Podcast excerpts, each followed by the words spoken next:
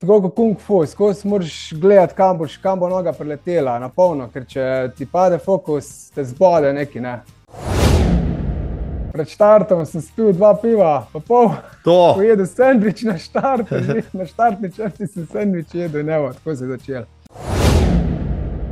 In pol skozi do cilja 7 km smo laufali na polno, on je na polno bežal, jaz na polno lovil, do konca do cilja. Da sem, naprimer, ko sem delal dihalne vaje, sem z vizualizacijo hitrost treniral na tak način, da sem si predstavljal, kako čuten veter na svojem golem telesu. Treba se tako prepustiti, pa tako lahko laufa, da, da uživaš v tem, ne da trpiš.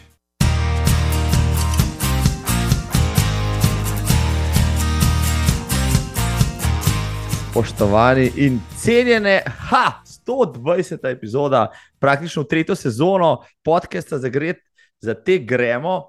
In koga imam danes v gosteh, ne boste verjeli. Ja, želeli ste, pa ga imate. V časti in veselje mi je, Ivi Hrastovec, dobrodošel. O, dobrodošel nazaj. Kje sem te zmotil, kaj si počel, kaj danes? Danes, ker je daš, sem bil doma, tako da sem se lahko malo spal, sem pa že malo šel zjutraj. Aha, ja. si, že tekel danes. Ja, šel sem, šel sem en kilometr do, bi lahko rekel, do kofeta. Kofe pa zgleda tako, da gremo vodo, ko ima 10 stopinj. Tako da grem, ko se zbudim, v bistvu se kar samo hlače, kratke navlečem, gor pa grem bos in zgoraj brez. In utečem do tja, gremo v vodo, sem par minut not in pol nazaj domov. Tak, da se fajn zbudim, ne vas kafeta, bi lahko rekel človek. Zdaj le si zbudil tudi uh, najne poslušalce in gledalke, jasno, telem prilepimo vodom. Ja, to, to, to bo še kaj zdaj kaj več rekla o tem, si zdaj le obut ali bos? Bos. Čeprav zgledam oblečen, kot da mede, ampak noge so bose. Sicer velik si bos, to ti ustreza najbrž, ja? Ja, ja. To je to. Ponavadi je tudi to, da ne vem, ko ne obujem, pa, pa grem raj bos. večna dilema, ja, večna dilema, tako, tako nas bo sonovcev je. Zakaj smo bosi? Uh, jaz sem tudi bos dele. Um, zato, ker se nam moramo odločiti, kje je hokice, ne si nadanem. Ja, tako, tako. Hokice. Dost reklame. Gremo ja. k pravi temi uh, svojega gosta. Bom predstavil, drago občestvo. Seveda, veste, kdo, kdo je, ampak vseeno, par stavkov o njem. Ivan Hrastovec, sem znan kot Ivi, je doma z Vranskega in vsekakor eden najboljših ultra-trail tekačev pri nas. V zadnjem desetletju je namreč zmagal na dirkah, kot so, pa ste zdaj rutin teh ultra-pušer strel, slo 100, knap trail, 100 milistre, Julian Alstrel, Vipava Dalmacija, v Italiji, na Mačarskem, v Ohridu in še kje. Vse stranski športnik, gibalec, najraje teče po stezicah, ker čuti prvinskost naravnega gibanja. Teče tudi bos, seveda, svoje konkurente, na štartu pa preseneti tudi z zanimivimi pričeskami. Njegova življenjska filozofija je širjenje zavestne navzočnosti. Kje sem pogrešil, kaj sem zgrešil še, dragi Ivi? Ja, hvala za tako lepo predstavitev. Je lepo slišati. Uh, kje si zgrešil? Ja, po mojem si bolj kot ne vse lepo zajel, se pa še najde kaj. Ja. Ampak boš, če boš s vprašanji prišel do njih, do teh skrivnosti, pol ok. ja, zdaj ste že ugotovili, da je Ivi Hrastovec skrivnosten človek, ja, ki ga je treba pač lepo izprašati, da prideš do njegovih skrivnosti. Upam, da mi to danes uspe. Začetek, uh, tale citat sem nekje tvoj našel in mi res zelo všeč. Rekl si, če si k temu, kar sem. Če k temu, kar sem, ničesar ne dodam, sem bližje temu, kar sem, kot če bi karkoli dodajal. Izvrstno. Ja, je to, rekel, tvoja življenjska filozofija na način? Ja, na nek način jaz mislim, da je to velja za vsakega od nas. Ker vse, kar dodaš, je v bistvu že popačanje, že nekaj več, mhm. kar je. Ker to, kar smo, tako nima oblike, je, je brezoblično. Um, mislim, zdaj le so šla uh, v transcendenco, skoraj da, ampak nadaljuje pa v tej maniri. Kaj je za te, oziroma kaj, kako bi definiral zavestno navzočnost? Evo, mogoče termin, ki je mal na trenutke trendiral v določenih krogih, je z angliško so pomenko kar prisoten v našem prostoru, ampak kdaj ga ti, prosim, definiraj za najno poslušalstvo in gledalstvo? Preprosto povedano je to, da si v sedanjem trenutku, pa ni mus, da, da si glih brez misli. Lahko si sam pozoren na to, kaj če nekaj počneš, da si pozoren, da si pri tej stvari čist. Vsak gib, vsak zvok, to, kar vidiš, v tem smislu, bi lahko rekel. Uh Mhm. -huh. lahko, tudi, lahko si pa tudi samo sediš, kot bi meditiral. Ali pa tečeš, recimo, pa poslušaš zvok koraka, ali pa če si bos dotik tal, ali pa če si go, zgoraj brez čutiš uh, veter, pač vse te senzacije čutiš, temperaturo in to je v bistvu navzočnost, v bistvu, ko čutiš. Sedanji trenutek, bi lahko rekel. Najbrž je ta navzočnost kar zelo pomembna, ne? ali pa definira tebe kot tekača na nekih ultra-trail preizkušnjah, nekje vmes. Ja, se trudim nekako, bi lahko rekel, da se sploh pri kakih daljših še vedno učim, sploh 100 milske. Ne? Še vedno nisem uspel, da bi bil sploh proti koncu teh dirk nekako, bi lahko rekel, pozitivno naravnan. V smislu, da imam, če že imam misli, da imam pozitivne, ne? ker telo je tako utrujen, da se vedno tako na negativo te vleče. Ne? In še vedno nisem prebil tega, da bi res tudi takrat bil lahko tukaj in zdaj in se prepustil, pa užival čist. Tako da me še čaka, kaj.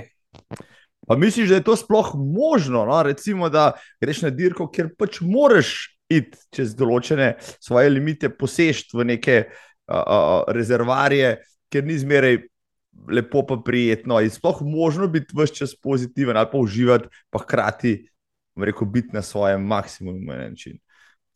Ja, tako je, potruditi se moraš, ne, ko pride negativne misli, se moraš, moraš se pravdarno potruditi, da začneš tako razmišljati, ker avtomatsko gre v negativo, moraš se potruditi, ne, če se ne potrudiš, gre v negativo in pol še bolj, pol si bo gre na slabš, če se potrudiš, lahko gre na boljši, ampak pa je pa tudi odvisen, ko greš na tekmo početi, če greš malo zihar noš v živo, ne. Uh -huh.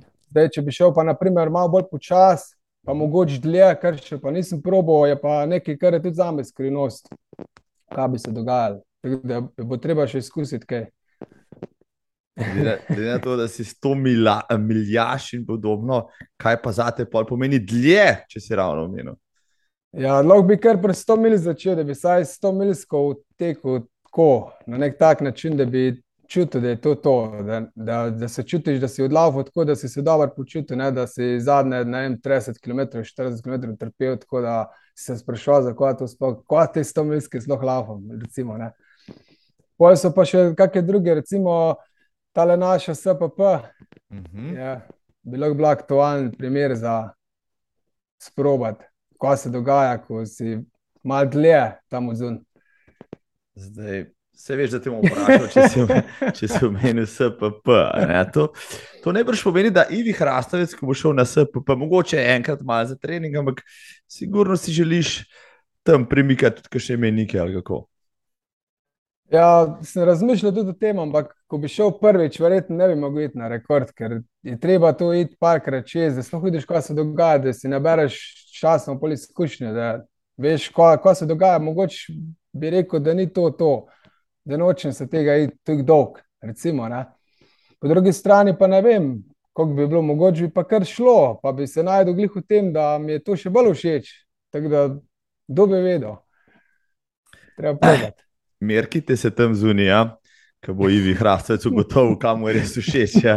Že zdaj, ko ne ve čist dobro, da mu je všeč, a ne to na 100 mil, pa zmaguje, kaj še leko ugotovil, kaj mu je všeč. Malo se heca, ampak a, kako navzoč prisoten moraš biti, ko greš na Julian Alpstrail 60 km bos v zimsko in blatno norišnico. Ja, sej prvotno sem jaz mislil, da bom šel tja uživati v nekem takem sončnem vremenu, pa lepo tam gor čistov, pa bom mal hodil, pa mal tekel, bolj tako je bilo mišljeno. Pa, pa je pa vreme malo drugače pokazal. Pa sem bil res v dilemi zaradi tega, bi sploh šel. Pa sem pa rekel, ja, neč, bom tukaj začel, kjer sem, pa bom, bom imel za obud zron, če bo res kriza, kriza, ne bo druge, ne, ampak sem šel probat, pa po začetka je počasi lepo vse v redu, pa, pa ko je bilo bolj mrzlo, pa sem mogel malo prilagajati, ampak se je izkazalo, pol, da je bilo vsega, je bilo no, divjanje, počas, mrzl, vse je bilo blato, ni da ni no, mešanca vsega. Um, kaj je bilo najhujše, mi povedano? Jaz sem poskušal, sem bosem laufal ne več kot maratonsko razdaljo, pa še to ne ravno po zahtevnem šodru, kaj šele po recimo res kakšnih hladnih, hladnih nalivih. Kaj je bilo najhujše za te, recimo tam gor v hribih? Za me je bilo najhujše, če bi noge hotele kaj rumeneti. To bi bilo mogoče najhujše, ta misel. Recimo, ne, zaradi tega, ker kri pol telo ven poleče iz nog. Ne, če, bi slok, če bi bil zgoraj, ne vem, pomakljivo oblečen, ampak podklajen, recimo, pol ne bi, noge bi pol nastradale in če bi začela rumeneti, bi lahko tako ukrepati in tako bi se lahko obudil, da bi kri nazaj prišel, no, da bi jih segreli. To, to me je malo plašilo. Ampak prvo najprej čutiš, da ful žarijo prsti, so taki rdeči, ko, ko se greje, to je ok, to je dober znak. Če pa rata je rumeni, pa pa moraš ukrepati takoj, ne? ker če ne, lahko dobiš več stopenjsko zablino ali pa še celo brez prstov ali kaj takega. Tako da je to, pol kasneje pa v bistvu razdraženost pod plat ko so že tako razdraženi, da že na dotik, ko se sam podlaga, da tako ne šiočejo. To je pol tudi izziv na nek način. Ne vem, koliko časa človek rabi, da se utrdi. Po mojem mnenju, že le premalo. Ja. Razen, če bi non-stop, non-stop, res, ni da ni non-stop, po šudru, po vse posod. Pol bi mogoče naredil neko plas. Ampak se, mi zdi, da se trga, da se mi nekaj dereze dela, ker, ker take špičke imam, kože, ker štrli stran na prsti. Zdaj mi povej, ja, se vem, da si dosti nor človek, ampak 60 km po hribih bos. Kje si prišel na to idejo? Si se dolgo časa igral s tem, ali si pač to tik pred zajci? V bistvu sem redno tekel nekaj take 20, recimo, ne, tam približno, počasi, za relaks. Meditacija bi lahko rekel, da je bosi tek, mm -hmm. ker mhm. greš lepo se sprostiti. Sem pa razmišljal, kako bi lahko tekel, ker sem maraton že tudi laufal, bo sem, sem razmišljal, kako bi lahko trajal od laufa. In pa sem študiral take trele, ko se ne vem, 50 km, 60, pa da ne grem tako malo, sem študiral, kot če bi drugega početi, nekaj tam se vlači. Bož, da grem pol bos, ker bom šel lepo počasno. In to je bila ideja. Zdaj je bila prilika, ko sem jih štrtine dobo, pa glih tako je prišel, evo, grem tle imam priliko. Pa zanimalo me je, kakšne bojo noge, kakšne bojo podplati, kako se bo dogajalo, pa malo kasneje, ko vem, da so že po 200 km razraženi lok. In sem mogel probati. Nekako gre pol čez, ampak so res, noge so v bistvu bile čisto počita, podplati taki, da vsak korak, ko sem stopil, je bil tak boleč, pekoč, bi lahko rekel. Um. Jaz sem poskušal že tudi v hrib, bos, pa spuste, pol tudi delati bos, ampak sem zmeraj ugotavljal, da je iti navzdol, bos. Je pa vem, še desetkrat hujš, kot pa iti gor, ker tam pa še malo moš pobremzati, pa nikoli ne veš, kaj čist dobro pod stopalom. Pitek z vso silo prbiješ na to, kako si ti doživel tiste spuste tam dol iz Golice, pa ne vem še, kje vse Bog pomaga v tistem nalivu. Ja, v bistvu jaz sem tudi najprej razmišljal, vedno, ne, sem večino spone delo Bosne, tako spok, če sem šel na, daljšo, na daljši tek, tako za trening, pa sem recimo spone delo Bos, spustil pa obut, ampak ko sem pa začel malo več tudi na vdolj teč, sem pa v bistvu videl, da je tudi zabavno na, na zdolj teč Bosne, ker itak ne laufaš na silo, ampak ti pa joče, ne, in sploh ne pol, kakršna koli podlaga je, ko laufaš ti pa joče, najdeš, noga najde vedno mesto, drugače moraš biti pa fokusiran, non-stop. Se pravi, spet ta sedajni trenutek bi lahko rekel. Skozi moraš biti tako kot kung fu, skozi moraš gledati, kam, boš, kam bo noga preletela, na polno, ker če ti pade fokus, te zbode neki, ne? isto kot pri kung fu, če se boriš z mojstrom in če pade fokus, ti dobiš ponos. Boš rekel, da si tudi kung fu treniral ali pa ga treniraš? Ne, ne, ne, še, ga, ne, ja. ne, ne treniram, ampak je dobro primerjava. Prav, prav. Ja, ja. To je to res. Ja. To je bosi tek, če kaj, ja, ne, lahko sam potrdim, je, da te ohranja tukaj in zdaj, ker če te ne, tega ne počneš prav dolgo. No. In, a, povej mi, Ivi, a si se pripravljal kaj na ta podvig, si delal mogoče kakšne spone spuste prav z namenom, da se boš pripravil na, na jad. V bistvu sem tako. Uh, sam, da sem redno vzdržal obaso, to je bilo važno, ne? ker uh, prejšnje, prejšnje leta, recimo, ne, nekje recimo 2-12 naprej, recimo, ne, ali pa ne, 2-10 naprej. Sem vedno bos nekako čez leto trdil, odplate, pol po zim, sem jih pa pomehkužil, ker nisem šel bos ven. Med korono, ko sem pa začel se tem mrazu prepuščati, ko je brat začel Vinhofa prakticirati, pa sem se mu bolj pridružil v vodi, pa pol, ko sem začel zgoraj brez lavati, sem pa v bistvu pol tudi čez zadnje dve zime, tudi čez zimo, bolj slavo, tudi po snegu. In sem videl, da gre, in pol so niso čez zimo pomehkužili pod plati, ampak so bili pol konstantno, so se utrjevali skozi celo leto in pol to nekako pomaga, tudi ko greš verjetno na takolo, da, da gre čez, ne? ker če ne, imaš skozi une neke intervale. Tako da skozi jih moraš, redno moraš delati, recimo 14 dni, je maksimalno, da ne tečem bos, sam pol bom saj ne 3-4 ure bos, ne 20 km ali pa malo več. Oh. Da so skozi, ne, če ne so takoj, ne vem, pomehkužijo, bi lahko rekel človek, pač uh -huh. moraš jih skozi aktivirati. Če na svojih treningih in poteh srečaš kakšnega govora, pa sprehajalca, pa te vidi, da vijati okrog brez majice, pa bosega, le kaj ta reče, Ja, navdušen ali pa začuden, ali pa ne vem, mogoče prestrašen, včasih vse sorte. Ja. Posebej, če imaš ravno dolgo brado, ja, pa če še zakričiš, ja, ja. ko greš okrog ja, ja. um, Mogoče uh, imaš kakšno ambicijo, ne vem, mogoče stotko, kdaj narediti bos ali kaj tasga. Ja, sem razmišljal, ja, da bi šel tudi stotko bos, mogoče drug let, nekaj razmišljal. Mhm. Neki, neki sem jim omenil, da bi šel na Vipavo, pa so me plašili, da tam je pač kraški teren, da tam pa ne bo šlo bos. Ampak če grem res tle, šlo v bistvu hitro, ne? če grem malo bolj počas, malo več rezerve. Če bi to delal v limitu, ne vem, 30 ur, recimo 15 ur, 30, tu imam čas, tako da lahko se še malo kot olimo mes, verjetno. Da, po mojem, biš, ne vem, probat bo treba, ne, sej, ker je uživanje, nekaj drugega je. Ne. Bravo. Evo, preseganje limitov uh, z bosim trelom, Ivi vam je lahko evo, tudi svetovalec, pa mentor, če se boste tega lotili. Uh, evo, mene zdaj le, že zdaj le me je zamikal, da grem. Jutro bo lepo vreme, tle gor na naše kališče, bo sam gor, zaenkrat sam gor, ker dolgo nisem šel. Ja. Grdim vremena, še boljš, na nek način. Tako je, sveže blato med tvojimi ja. prsti, to je, pa, to je nekaj. ja, to, ja. to je nekaj najboljšega. Res super. Ivi, prav predstavljal sem živo, sem si, sem si zdaj to predstavljal, ko se o tem pogovarjala. Um, in če so že pri tem, ja, jaz sem tebe spoznal praktično na bosem teku, takrat tam po 2011, ko smo v Kranu organizirali slovenski bosi tek, tak tam si prišel, jaz si prišel z bratom, z Igorjem, sem te vprašal, malo vprašal, koliko tečeš, pa si rekel, malo tekljam, sem ter tja. Um, ampak potem, potem sem čez par let videl, ko si bil že kar močan tekmovalec. Začel si kdaj, ne 15 let nazaj, zakaj si začel teči, pravzaprav, Ivi? Ja, to je, tu se lahko sam sebe tudi sprašujem. Ja. Tu, tu smo se mi v družbi malo tako hecali, 2-6 smo malo tekali okrog tako ampak mene so pol kar parili. Je pa bilo enkrat že prej, recimo, ko sem bil še najstnik, ne vem, koliko sem bil star, 15, 16, 17, mogoče. Smo bili na eni veselici v sosednji občini, pa ko je bil tam en tek organiziran, se spomnim, da sem imel onega smajlja v rok, ko so se pili ti smajli z limonco. Pa ko so tekači mim tekli, sem jaz tako občutek imel, da ne sodim sem s tem smajljem v rok, ampak da bi mogel tam teči. Tak, tak občutek se mi je.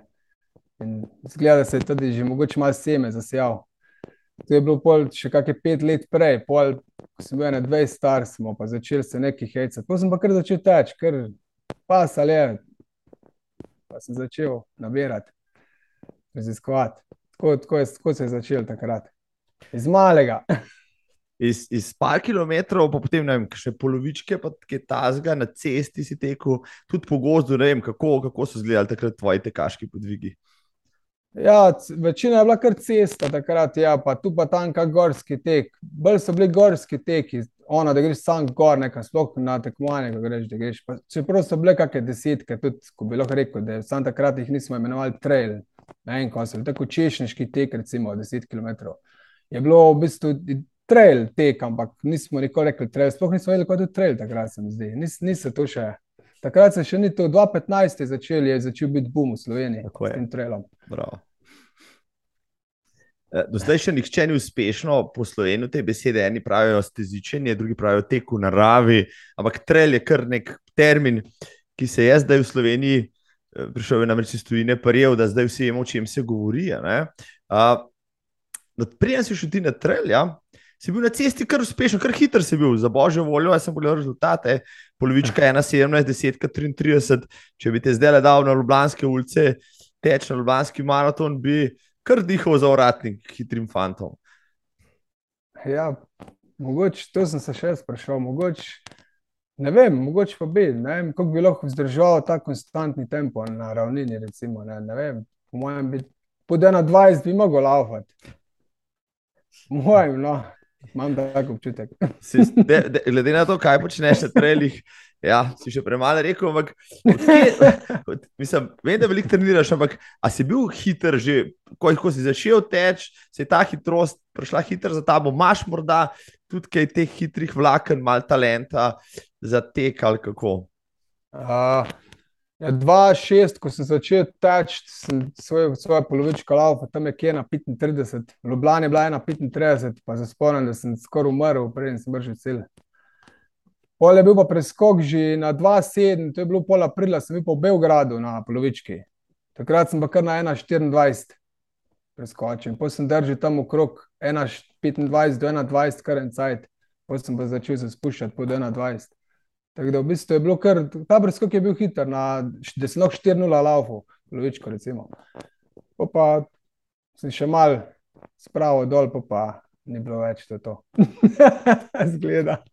Tako preprosto si zdaj, tako preprosto si povedal, jaz sem letos, eh, začetek leta sem šel dobro poplavljen od lano teko, 1,35 pa skoraj umrl zraven, ja. Kot si prej rekel, kje, kje še 1,20, mislim, kje to, to smo počeli, uh, ko smo bili mladi, ne pa zdaj več, ampak uh, veliko treniraš, vem, da veliko treniraš, no, ampak a delaš kaj posebenega tudi za hitrost, ne, to je moje glavno vprašanje. Ja, v bistvu sem glih uh, 2-15, predvsem pa 2-18. Ja, 2-15 do 2-18 sem zelo nabil to kilometrino, tako skoraj malo preveč. Potem sem pa začel 2-18, še malo hitrosti, spet, ko se mi je zdelo, počasnejši ratujem. Pa sem začel malo intervale delati, pa malo tempo teke. Pa 2-18, vse se vidi po rezultatih, da je 2-18 bil kar lepo leto. Da, ampak letos nisem pa, letos nisem pa nič delal na hitrosti. Pa je kar nekako, kar gre. No. Da, ampak se mi zdi, da je fajn malo. Ja. Ne vem. Odvisno od tekme. Zdaj, če bi šel, recimo, če bom šel na knap trail na 50 km, začetek leta, drug let. Uh -huh. Je verjetno fajn zdaj, da pozim malo, kak interval narediti. ker je 50, kaj je, če grem jaz tako malo 50, kaj je divjanje. Če pa grem že stotka divjanje, sem ugotovil, da stotko nimaš kaj čakati, kaj cajta pa zmanjka. A sto mil je druga pesem, je treba iti pa počasi, pa ne rabiš neke hitrosti. V bistvu. Nek, odvisno na koga greš, bi lahko rekel. No, potem na stotko ne bom šel, ker je čisto divjanje. Ja. Ja, ja. Lepo si me odvrnil od kakšnih takih želja. Omenil si treninge, nekje v enem, enem intervjuju sem zasledil, da si dejal, da si en poseben protokol si imel. Ne? Treniral si sedem dni za- zapored, naredil si 200 km z enim višinci, uh, potem pa dva dni počival, pa tako naprej. Pa tako. A je to bilo kakšen poseben režim, ki si ga sam postavil, ali si kje to pobral? Ali? To sem, to sem si sam, mislim, da sam zmislil. No, to je glih to, ko sem prej omenil, da sem do 2018 nabiral km skoraj preveč. Se pravi, tam nekje 2016, 17, predvsem 2017. Sem v bistvu sam to delal, pa skoraj nič drugega, nič hitrosti, samo kilometrino sem nabiral. Sem pa videl, da ni to to, ne, pa kar mal preveč je vsega, ne, mora biti malo bolj razbito, ne, pa ni bilo. Pač probo sem pa, ne, kako to zgleda, ne, vse je bilo po svoje zanimivo. To ti je vzelo kar nekaj časa na dan, no, bi rekel človek, tako čez palec. Ja. pogledano. Ja, tri ure, štiri, tri, štiri ure, recimo. Pa Kje naj raje tečeš, oziroma največ? Zdaj, verjamem, da imate tam le okrog Vranskega in v tistem hriboju neomejeno možnosti, pa vseeno, kam se zaideš pri svojih tekaških eskapadah. Ja, tele krok imamo sicer, bi lahko rekel, imam bilo za nek 100 mil stezic, po mojem, če bi vse stezice odlaufal, bi lahko na krasku, ene 100 mil, je res velik tlogrok, sam sem že tudi tukaj predelal, da, da zdaj, glih med korono sem začel v bistvu tale SPP raziskovati, da sem ga že ene, nekatere dele že dvakrat, trikrat odlaufal, nekatere dele saj enkrat, primorski del še nisem tekel, od škocijanskih jam do obale, tam me še čaka, no, mogoče po zim. Drugo sem pa vse in je res, ful mi je všeč pot, v bistvu je taka res čudovita, ta slovenska planinska pot. In v bistvu med korono sem začel tako vsak vikend 50-60 km, sem šel pa sem laufal, ne vem, 8-10 ur ali pa več, odvisen, kje sem se nahajal. Gde sem takrat začel raziskovati. Ker sem, ne vem, na lup se mi tle pri nas, ko se ena isto nažigati in ima že Slovenija tako veliko na izbiro, da že sam ta SPP ima veliko. In Prav. če ga bom šel, je fajn, da ga poznam, da ga jaz poznam v bistvu, ne. Mhm. da vem, kam me čaka, da vem eh, pot pa tako naprej. Leto 2023 bo zanimivo. Ja, ampak pustimo zdaj še to za enkrat. Če se že vrtem, kar, kar počneš. Um, um, Pravim, prej si bil v celoti trelaš, si bil velik tudi cestar, mislim, da si bil tudi na cele logarske, si tekel cele logarske, kdaj. To je bila tudi zanimiva ultra preskušnja. Ja, sem tekel uh, trikrat, mislim, da 12, 12, pa 14. Enkrat sem celo po 6 ur spravil, druga je bilo pa 6, pa pol, malo mal po 6, pa pol. Tako. Je bilo kar, kar v redu je šlo. Ja. Malo ljudi ve, dragi Ivi, da si enkrat zmagal celo na trojkah v Ljubljani, ne, z Upančičem, pa Zarnikom, če se ne motim. Ja, to je bilo pa 2013. Sta me, v bistvu je bilo tako, da je bil takrat uh, un uh, trail, kako se je že imenoval, 21 je bil. Tam na naj, gor, naj. Naj, naj. naj, naj 21, ja. Tam smo bili, to je bilo pred trojkami, sta bila Zarnik in Zupančič, prvi in drugi, jaz pa tretji. In ker je tako nanesli, sta v neki govorila, da iščeta še enega, pa da noben ne upa zromiti, da sta ne vem, predivja. Jaz pa nisem, pač ok, grem ne. Pa, pa smo šli. Pa še takrat me neki nog, v nogi zategovali, se spomnim, je, prav, je bilo kar boleče tisto. Sam sta me res, sta me sterali tudi čist. Pa komi, da je šlo, no, komi so nas ulovili skoraj žontarji, oni, ko so bili v vojski, ta drugi. So bili, mislim, da ne vem, minuto, dve, tri, štiri, pet, par minut za nami so bili polno. Tako čist malo je manjkalo na koncu, da smo komi zdrli. Ampak ste jih ne bil. Okay, ja, Ja. Prav. Ja, lepa, lepa. Žontare ne biti je tudi kar poseben dosežek. Ja. Ja. Ja, sej, če bi tam laufal, verjetno ne bi bilo tako. Ja, sam, evo, človek mora znati izbirati dirke, smo rekli včasih. Ja. Um, kaj ti pomeni, recimo, trail? Eni trelaši pravijo, to je pa narava, svoboda, odklop. Zakaj, kaj tebi pomeni trail? Zakaj se ti rad umikaš v gozdove, pa na eno slednice? Ja, se je mogoče glih to, kar se umenijo, gozdove. Ne? Gozdovi so taki. Gozdovi te najlažje spravijo v nek tak ali kako bi rekel. Ne? Pa po drugi strani se pa tudi fajn na nek način razdivjaš, tako neko tako prvinsko. Ker jaz včasih se mi zdi, da prav rabim se tudi razdivjati, ne samo da grem počasi, ne vem, z bosi noge, ampak tako, včasih mi prav paše, da grem, ne da grem delati trening hitrosti, ampak kar tako da laufam hitreje, da mi paše ta, sploh če sem zgoraj brez, ko večino sem, da mi paše ta veter ali pa ta pih, ta zrak, ko se gor, to mi nekako paše in pol, ko se razdevjaš, čutiš to. Pa zdi se ti, da si hiter, bi lahko rekel, zaradi tega. Toliko dobrih idej si mi dal zdaj. Ampak res si, jaz si znam potem. Ja, si, okay, poleg pričesk sem jih že omenil. No, da reči, okrog teh pričesk, ki jih namenoma menjaš te pričeske, da imaš strah in trepet uh, svojim sotekmovalcem, uh, daješ v kosti, ali, ali je to kakšna tvoja posebnost. Vem, da si imel že kitke, pa imel si vse sorte, no, rokes in tako naprej. Uh, je to tvoj zaščitni znak ali je to pa čist navdih sproti? Ja, zaščitni znak res ne more biti, ker jih spremenja. Vel. Ja, vem, jaz sem imel, uh, imel sem neko pričesko, jaz kitkin takrat, ja, sicer brada skozi zdaj neki ustaja. Sem se neki bril vmes, ne vem, verjetno probujem, ko je najbolj aerodinamična, ko bi lahko človek rekel, jaz ne vem. Nekaj v tem smislu, zdaj je malo aerodinamike. Zdaj, zdaj, zdaj je kar malo, ja, ker ti veter ja, ob Ja, mora iti, Vižga. Ja. Mogoče se pozna za kakšno minuto. Ja, hejta. no, to, da veste, tam zunaj. Ja. Vsak, vsaka sekunda šteje. Uh, Dobre, ja, rekel si, zakaj si brez majice, ja, tudi potem te je prepoznati, tudi če reko, vreme ni najbolj vroče, pa poletno pridirja z uh, camelbackom na rami, ivi brez majice, ne? samo v kratkih ja. hlačkah. To ti ustreza, ti, ti nikoli, pač, te nikoli ne zebe ali pa je ta zgad, nikoli ne pogrešiš kakšnega ugrinjala. V bistvu je tako, da jaz sem že pred leti, pač ta obdobje, ko so se ti treli začeli na 2015, 16 naprej. Snes polet, red brez majice, lauko poleti, tako je 30 plus, ti je on zrak topo in takrat ti je fajn, to, ko sem prej omenil, ta zrak, ko ga čutiš na golem telesu, to mi je bilo vedno všeč. In polet sem to rad počel, ampak takrat sem bil vedno prepričan, da če pa malo hladno popihal, pa če malo nižja temperatura, ta program se je vklopil tako, da to ni v redu, da lahko zboliš, sem pa tja, pa, pa ko smo začeli med korono z Vinhofom, pa se vodi namakati, pa ko sem začel zgoraj brez slava, sem videl, da ni to res, da, da se da. In potem sem pa videl, da, v bistvu, da ti paše v bistvu tudi ta občutek, če je hlad, ker pri teku se itak se greš, drugače je, kot če samo odzun stojiš, go, če zlaufaš, se grevaš in po zim se spomnim, da si vedno v Švicu. Ne? Mhm. Vedno si švice, če si imel navlečen gor, ker so čas, ko je temperatura za 10 stopinj, je to že preveč, da si nekaj preveč oblečen. In potem sem videl, da ne rabim nič od tega, pa še pa še mi v bistvu.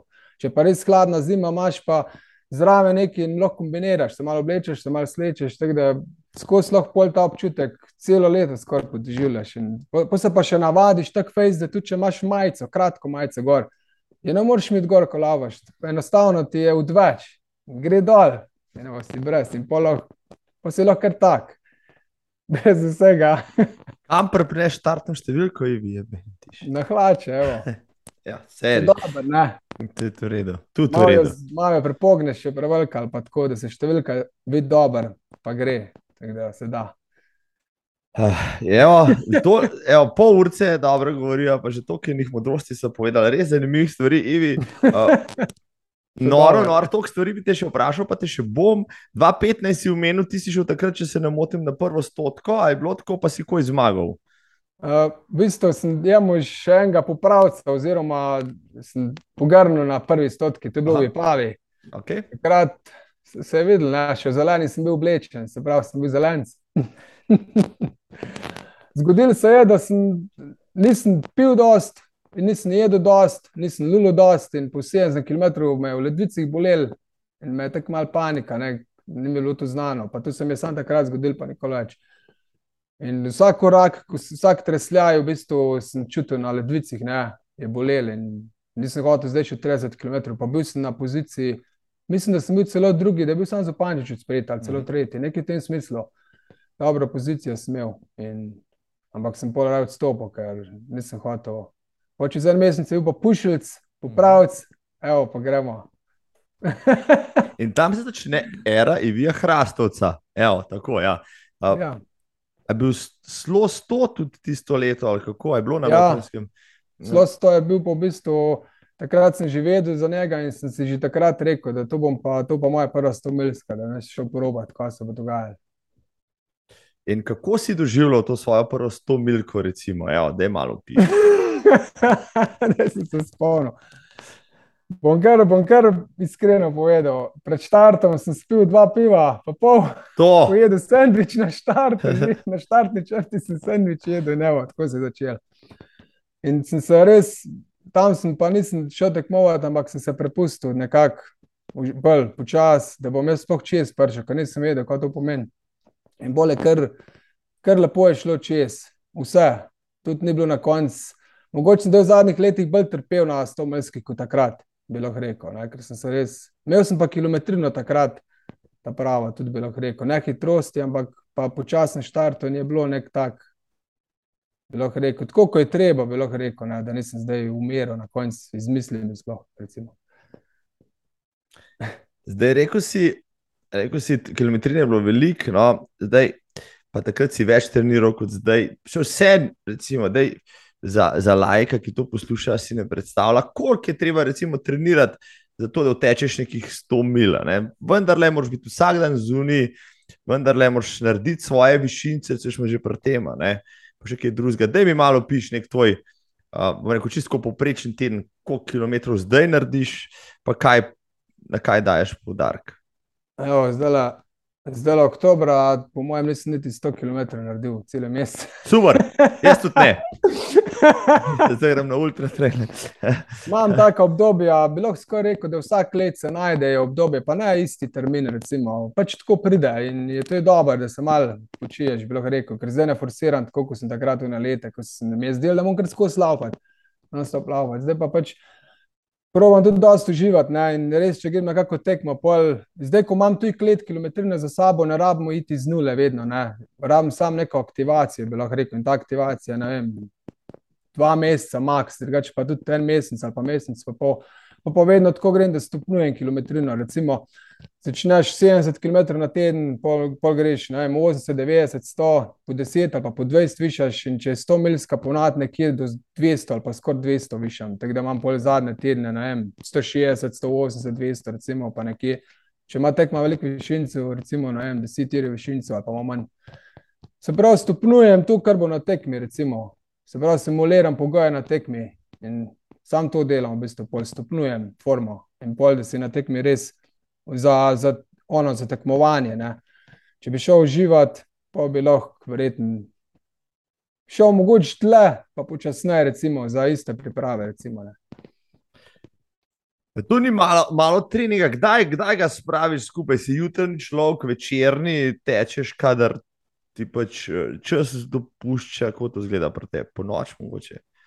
Ja, kadar je, recimo zdaj, ko bo dnevi krajši, sem dosti tudi sploh zgodaj spomladi, recimo ali pa takole, če bi se pripravljal, tečem pač z lučko, zvečer lahko, lahko tudi do povdan, odvisen koliko je s časom, ja, pač se prilagodim nekako, se poko si jaz sestavim nek tak program, bi lahko rekel, če se res za tekmo pripravljam, pol pol sem ful bolj motiviran, ne, pol ni ona, da bi, bi šel, ne bi šel, pol grem, pol kar grem, pol sem navdušen, pol delam to in je fajn. Če pa ne, če pa nimam tako nekih ciljev, pol sem pa kar prepuščen, pol pa grem. Včasih ne, včasih nekaj, pol časa grem za vikend, korenih 50, 60 počas. Ti sem vedno pripravljen, pa lahko grem, če imam čas. Pa, Zdaj se bolj prepuščam, no bi lahko rekel si bolj samotni volk, sam treniraš, se znajdeš v kakšni družbi, pa kdaj naredite kakšen trening, mogoče skupaj. Ja, večino sam tečem, drugače sem pa Igor pridružil na teh daljših tekih v vikendih, sploh če grem po sebe pojo, je red z rom, mal ustolovščine, grem bolj počas. Drugače pa kdaj, če imam koga z rom, običajno grem po ker res bos, ker če sem v butu včasih, se moram malo premzati, kako bi rekel. Ne. Če sem bos, sem pa itak počasnejši, pa tudi lahko sem počasnejši. Tudi če bi lahko bil hitrejši, bos spaše, tudi, tudi če hodiš. Tako da je bos spoluna ta prava, da se prilagodiš v bistvu. In, greš, in tudi ni izgovor, da bi kdo rekel, ja, nam šel stavo, zato kot ti divjaš ali karkoli. Ampak če grem bos, jaz pol uživam zelo lepo. Tako da je tudi to uredo. Super. Super. Ja, vse mi je bilo popolnoma jasno, ja, da te, uh, tebe držati na nekem treningu, ja, je skoraj ne mogoče. Ja. Razen, če bi ti dal tri pire prej za spit, pa bi rekel, ti greš rikverc, pa še bos, pa bi mogoče šlo. Uh, Kje se. Uh, Jasno. Ena stvar je pri tebi še posebnost, kar sem te res občudoval pred leti. Povem, da to še prakticiraš, najbrž prakticiraš te tvoje kalistenične vaje, vaje, vaje za moč z lastnim telesom. In to si počel kar tako, bom rekel, pol uro skupaj ali pa še več. Uh, to še počneš, to ne še prakticiraš, ker si, bom rekel, res mož je klena, ko se temu reče. Ja, v bistvu je to je tak, ena taka stvar, kot bosses, ne isto redno počnem, ni tako, da bi. Isto se telo, nima spomina tega, to hitro zgubi. Ne? To mislim, formo trenutno hitro zgubi. Vse tisto, ko se ti navadiš s kilometrino ali pa z nekim vajem, tisto obdržiš, ampak formo pa hitro zgubiš. Tako da to je isto, tako na 3-4 dni, vsaj zelo vaden, imam doma. Ni da ni, vse imam gimnastične kroge, bradlja, štrik za plezati, drugovi. Ni da ni, pač vse te stvari imam, te ekstra kovi in pol, da je čim bolj različno za telovaditi. In v bistvu ta, ta vadba v bistvu ni nek užitek, ko je telovadiš, ker je lahko kar na hart, ampak se pa počutiš pol res fajn se počutiš, ne? ker medtem ko med tekom je malo drugače, se tudi pol fajn počutiš, medtem ko če greš počasi, tudi med tekom fajn počutiš, uživaš tudi vsak tak korak, te kaški, tak užitek, medtem ko tle pa pač, ampak je, je pa pomaga v bistvu, če imaš zgornji telel, te telo, da imaš dobro natreniran, pomaga.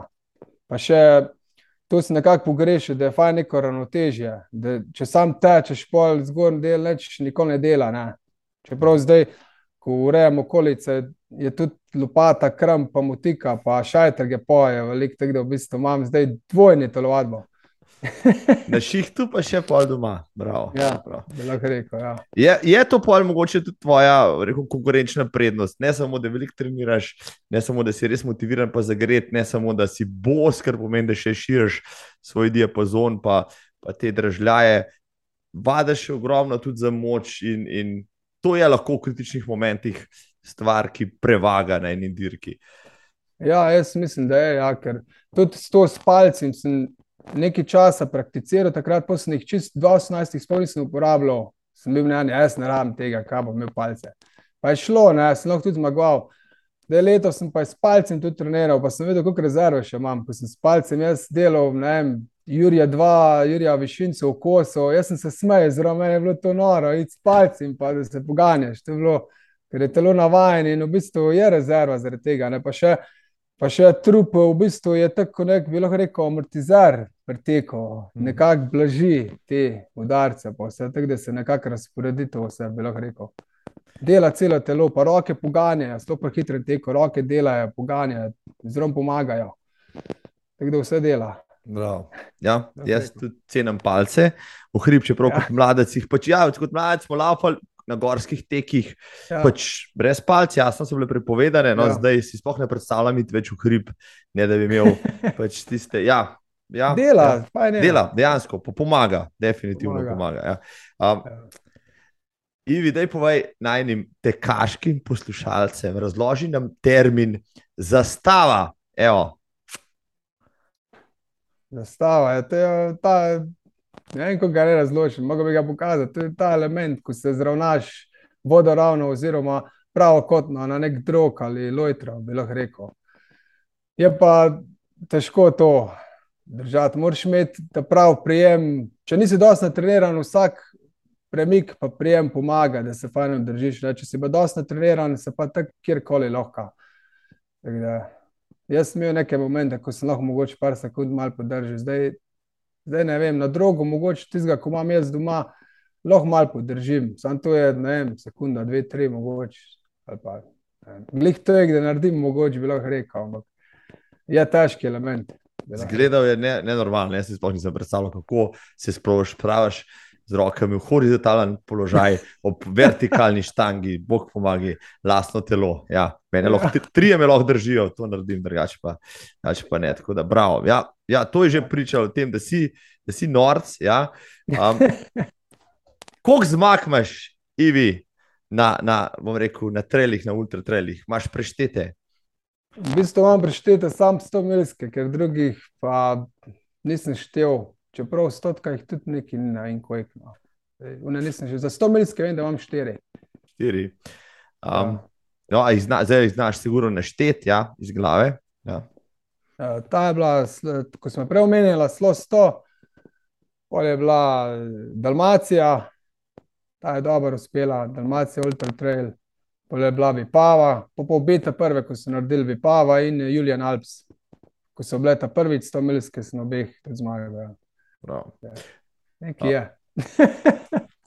Nekaj je, je, je to pripomnil skromno, naš dragi gosti, jih raste. Zdaj mi povej, v teh štirih uh, ali vseh nasploh, imaš kakšno ljubo ti dirko, kamor, ki je pa posebej visoko v tvojem srcu, pa ti je res všeč, pa boš zmer hodil tja, dokler boš imel uh, šanso pa voljo. Ko pa vem, ko vedno sem razmišljal, da rad čim več različnih videov.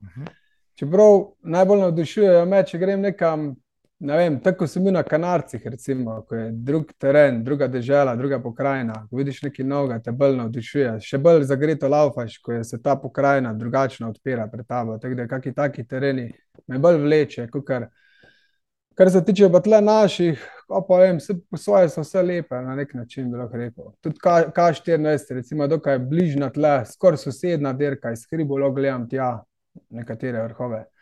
Je tudi ena lepših, bi lahko rekel, recimo K14. Pušil že dolgo nisem tekel, je tudi bila lepa. Po mojem imamo same lepe tle, no, saj pa bi pa, recimo, sem bil že večkrat. O. Ampak najbolj pa, najbolj pa nove, kakšne nove, raziskovati nove poti, to je pa najlepše. Glede na to, da ti trajli, pa ultra trajli rastejo, tudi gove po dežju skoraj da, ne, ne, ne bo zmanjkalo novih stezic. Sej Sloveniji si ne boš obdelal vse, kar, kar, kar je bilo omembe vrednega od vseh teh najdaljših. Ne. Ja, mislim, da res, ja, v Sloveniji. Ja, zdaj so eno novo odprli, Vala, Ultra Trail, to bo zdaj, evo. No, bo. Mogoče kdaj. Ja, Zdaj ne, ampak mogoče kak let za pogled, kje so speljali progo. Pa zigar se bo še kak najde. Drugače, če pa na planinski zvezi Slovenije tle na tej strani odpreš zemljevid Slovenije, je pa cela mreža planinskih poti po Sloveniji in lahko cel življenje laufaš, pa verjetno vem, če lahko vse prelaufaš, toliko je teh planinskih poti za raziskovati. res je. Ja, zdaj, če Ja. bi.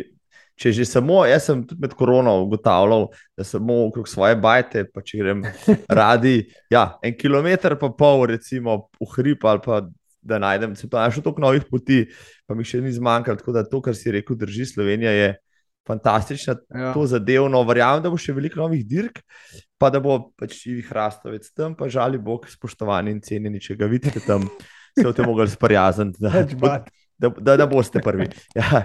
Uh, Gledal sem tvoje rezultate z dirk, to mi je bilo najbolj hesno, res. Okoli tebe ponavadi. Tudi na teh velikih mednarodnih, ne, zmeraj neki sponzorirani tekači, Hoka, Salomon, Dynafit, pa North Face, pa ne vem kaj. Ti si pa individualc, prosti strelec, človek brez kluba, včasih tam piše Vransko ali pa še to ne. Uh, povej mi, uh, so te kakšni sponzorji ali pa smo ti kakšno željo, ali se počutiš še posebej dober, ko nagoneš, recimo, kakšne korporativne tekače.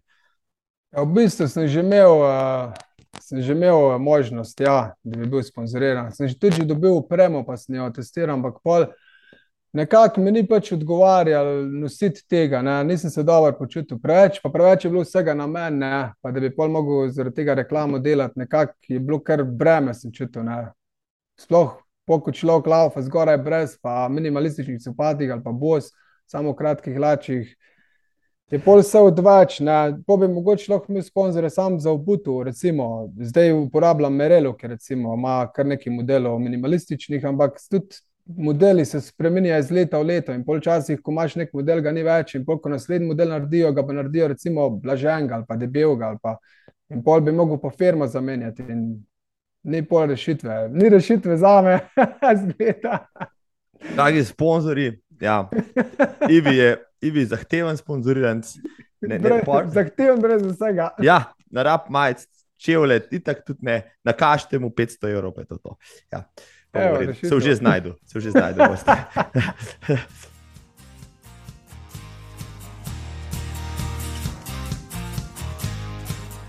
Kako pa te gledajo, dragi Ivi, so tegovalci? Zdaj si mal poseben, no? tam so ljudje odpremljeni od glave do pete, mi smo šli danes na Ljubljanski maraton, se mal pohecati kot trelaši, pa smo se tudi glave do pete opremljali, malo smo seveda pretiravali za nalašč, ampak uh, ti pa prideš tja med ljudi, ki so v high-tech, najnovejši opremi, uh, v minimalkah, brez majice, potem pa vse nabiješ. ne. Kako te gledajo, no? ali pa kako te v tujini, morda pri nas te že poznajo.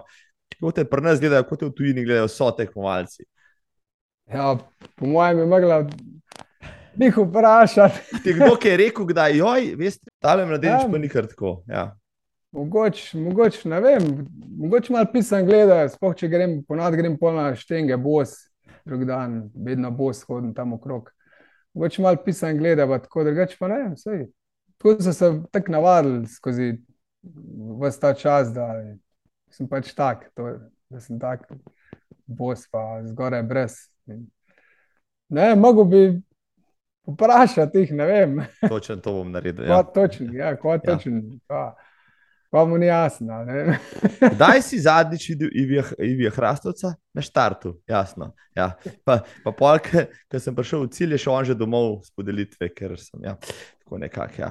A, ampak kam pa priješ v tujino, ne, na Mačarsko ali pa v vem, Makedoniji si bil in tako naprej. Pa pokoriš vso konkurenco, no? tam, tam ti tudi pol gledajo malo. Ja, tam sem bil pa še, tam na Mačarsku, sem bil na zadnje, sem pa še majce nosil, ja, tam me še niso. Brez veze. Pol, ja. Ja, pa tudi, tudi Dalmacija, ja, 2018 ne še oblečen, kot hodil, tako da še ni bil, ni še prišel do izraza. Ne. To je bilo zdaj, po koroni, v bistvu, bi lahko rekel, sem začel brez majice, tako da še niso neki opazili na takih dirkih, bi lahko rekel, ja. sam tele na naših parih. Te kot zmagovalca vseh teh dirk potem organizatori povabijo naslednje leto kot vem, posebnega gosta. Ali kako? Ali... Ja, tudi, tudi povabijo. Ja. Sej, tako je bila recimo tale zajat, štartnina zaradi zmage prejšnji let. Ja.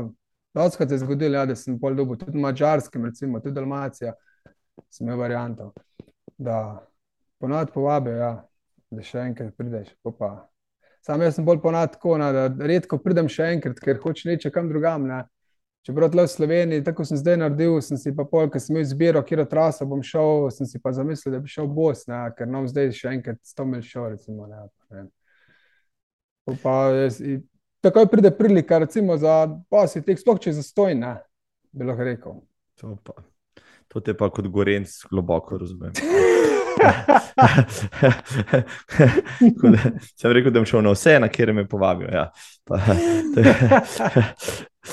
um, Imaš kakšno sladko zmago med vsemi temi, ki si med to milkami in stotki, kakšno tako, ki, je, ki si jo pa zmeraj spomniš, ker ima nekaj posebenega, ne vem. Uh, imaš kakšno dobro zgodbo za njo in tako naprej.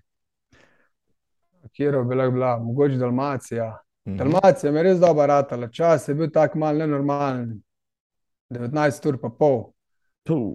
Že tako malo vesoljski. Ne vem, kaj je tudi bilo. Tam je bila tako zanimiva po svoje. Medtem ko druge dostomilske so bile, tr... obe stomilske bi pa in jaz sem trpel na koncu, kot da je na enko z mano. Prav misli so šle čisto negativno, ko je to delo. Zakaj- Sprašoval sem se, zakaj je te stomilske laufam sploh. V tem smislu. ne. Nis, nisem še prišel, nisem se še tako naučil, da bi lahko na stomilski, čeprav v Dalmaciji nisem se ne spomnim, a sem pozabil, pa se ne spomnim, če sem sploh se s tem ubadal, pa še dobro je šlo. Da, ali pa recimo kanarci, kanarce se rad spomnim. Tam, tam sem pa počasi štartil, ker je bila ful gužva.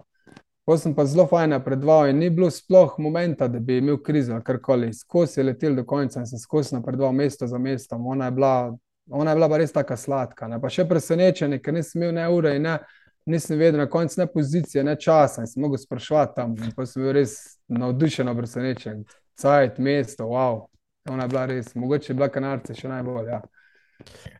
A še vedno tečeš brez ure, pa vendarle uporabljaš kakšen kakšen pripomoček. Ja. Uro, uro uporabljam tako, če, kaj, če grem tako raziskovati, bolj počasih je tudi uporabljam. Pa to sam zaradi tega, ker sem uro dobil za nagrado, drugače ne vem, če bi si kupoval kdaj uro. Sem, ne predrage so, pa niso tako vredne. To se strinjam. Ja. Dej, To če se- sem pa že v jagu na tak način, pa pride kdaj prav, ja, za kaj pomiriti. Lepo. Ampak, kaj še. ja, se strinjam, tle se čist najdeva. Ja, se mi zdi, da so ti gadgeti dan današnji res, res temi cenami šli v vesolje, ljudje pa sledijo z denarnicami, um, vsem spoštovanjem. Ampak ena stvar te tudi ni premamila, mogoče kakšna strava po objavljanju svojih dosežkov, treningov in tako naprej. Mislim, da sem enkrat celo bil, ko sem v bistvu jaz dve ure dobil, enkrat eh, 2.15 sem dobil eno, pa pol sem kasneje dobil še eno, ono sem podaril. Da mislim, da sem takrat neki bil na stravi, sam ne dolgo, ne, mesec, dva meseca, tri mesece. Nekaj malega, da sem malo izkusil, kako je to, ko sem videl, kako se to hitro gor se deva, ono nabiranje kilometrov, pa razne skupine, pa, ampak nekako se nisem videl, da bi tle neki zrom skakal. Pa. Zdaj pa sploh strava nimam, ne vem.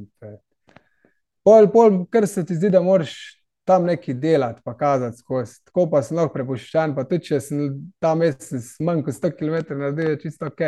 Če ne bi pa mogoče imel slabo vest, o, neč ni gor, neč ne laufam.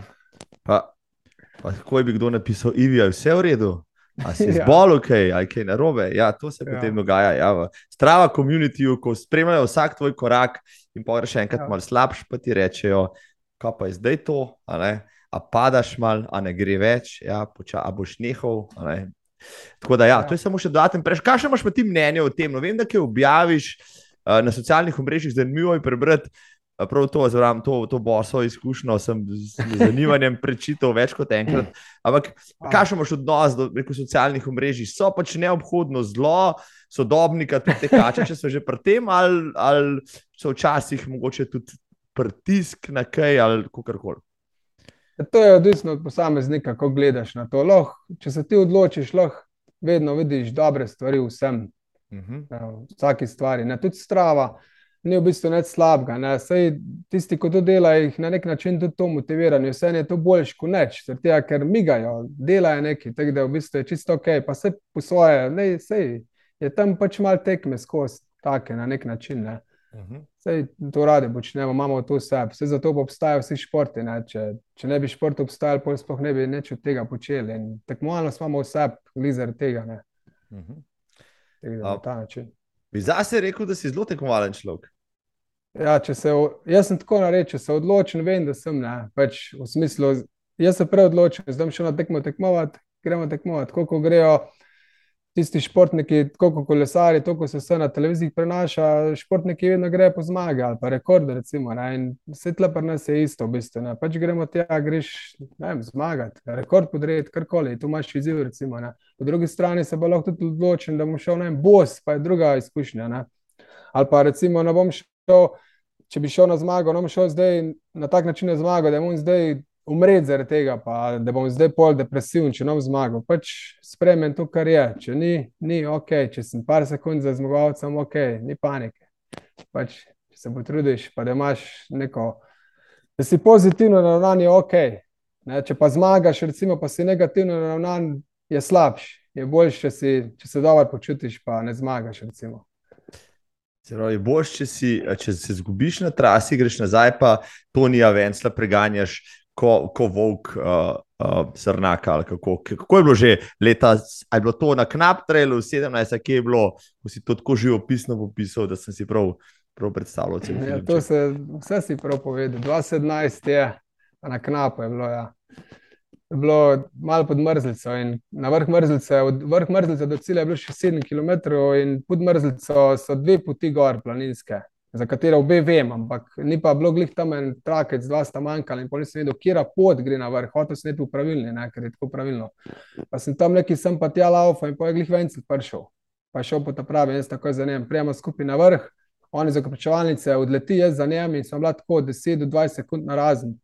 In pol skozi do cilja 7 km smo laufali na polno, on je na polno bežal, jaz na polno lovil, do konca do cilja. In se ni, ni se, mogoče se je sam na 5 sekund zmanjšal, pa ni bilo variante. Na koncu spomnim, ko sem mu zaklical, bravo, pa mi je tako z roko nazaj, zmagovalno pomahal. 16 sekund je bilo na koncu. Ni šlo, ni šlo, dala sta vse od sebe, Ja. to je šlo na nož. Na, prav. Ampak je bila dobra izkušnja, bila. Da, Nič hudega ni bilo, pač tako se je zgodilo. prav, prav. Pa šk- Bolje je bil zanimiv, kot če bi se ne zgubil, pa bi jaz imel ne, tri minute fore. Recimo. Je bilo po svoje zanimivo. Ja, Dolno divjanje, pa lovljanje. Nis, ne, ja, ne, ne mu take dobre zgodbe zapovedati, ja, prav gotovo. ne. Uh, ma še kakšno tako, ki si jo zdaj spomniš, kakšno bizarno zgodbo, si morda koga srečal, uh, te je kakšen medved lovil, si morda kje bruhal ali pa ne vem, uh, vi, imel privideti, kot kakšni, ki hodijo po 30 ur in več, pa, se, pa, pa halucinirajo. Uh, ja, tole, tole iz glih tole, ko sem prej razlagal, da bi kaj dlje probo. Ne? To bi lahko rekel, da spoštujemo one, ko so počasi na 100 mil, zaradi tega, ker oni morajo več narediti kot mi. Ne? Mi zdivjamo, pa smo en dan mimo, se pravi ena noč, oni pa morajo dve noči iti in pol, ko se druga noč dogaja, lahko samo oni povejo. Jaz še nisem tega izkusil, v bistvu. Še nisem prišel tako daleč, tako da sem v bistvu še zelo neizkušen pri tem, bi lahko rekel. Tako da, ko bom šel, če bom šel kak SPP, tam so sicer je bolj etapno, ampak vseeno so spanci tako minimalni, da verjetno izkušaš neke take stvari. Drugače pa so tudi tekme, ko so ne vem, neki vmes, ne vem, 250 km ali 300. Ne.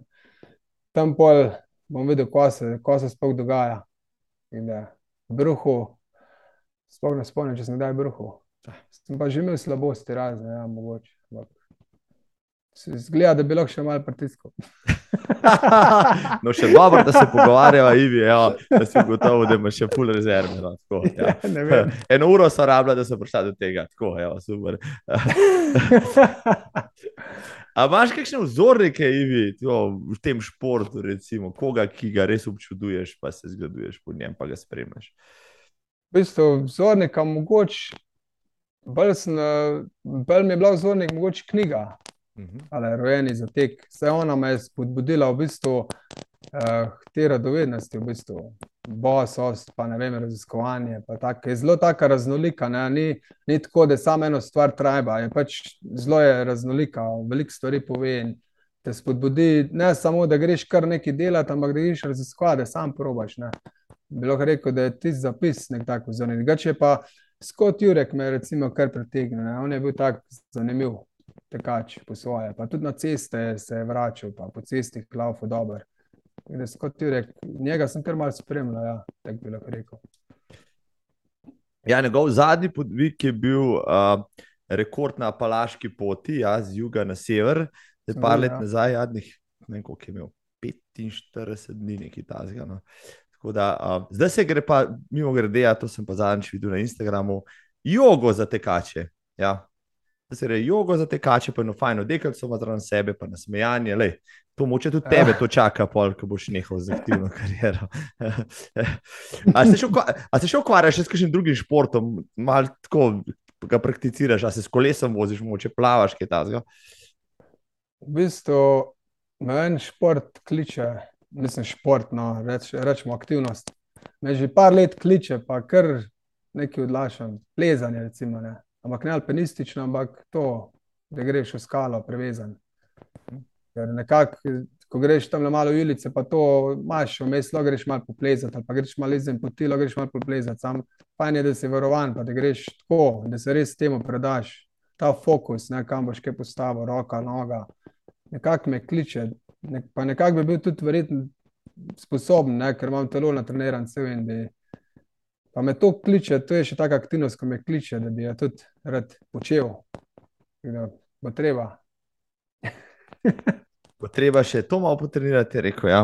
um, ja. Poključiti tudi pač tedensko rutino, uh, tudi plezarijo. Uh, rekel si, kje tečeš, koliko tečeš. Bi rekel, mislim, ti je kje to posebej všeč da, da se zmeraj rad znova vračaš, ne vem, kakšne poti, nekakšne steze v Sloveniji ali pa kje drugje, nekaj, kar te res tako navdušilo, da tam pa res duša počije, pa, pa se telo sprosti. Zdaj, ko sem tale SPP raziskoval, je par odsekov res. Recimo, pohor je samo je tako mistično. Pohor je zelo zanimiv, ko se te kamni kar svetijo vsi. Mhm. Sploh da je podežil, pa so te meglice noč, pa po tle greš, kot da bi gledal zvezde, kar žari vse ta pohor je res tako mističen. Pole tale odsek tam od uh, proti Smrkovcu, iz Slemena proti Radu, ki ta odsek je tudi tak tekaški, lušen za id. Pol, pol se še tale, med, uh, ko je tudi jad, ima del trase od uh, stola pa tja do dolžke babe, ta greben, ali pa da potegneš tja do kepe skoraj, mhm. tudi greben, epski, pa kušuta, recimo cel greben za pretečiti je tudi nekaj za. Ja.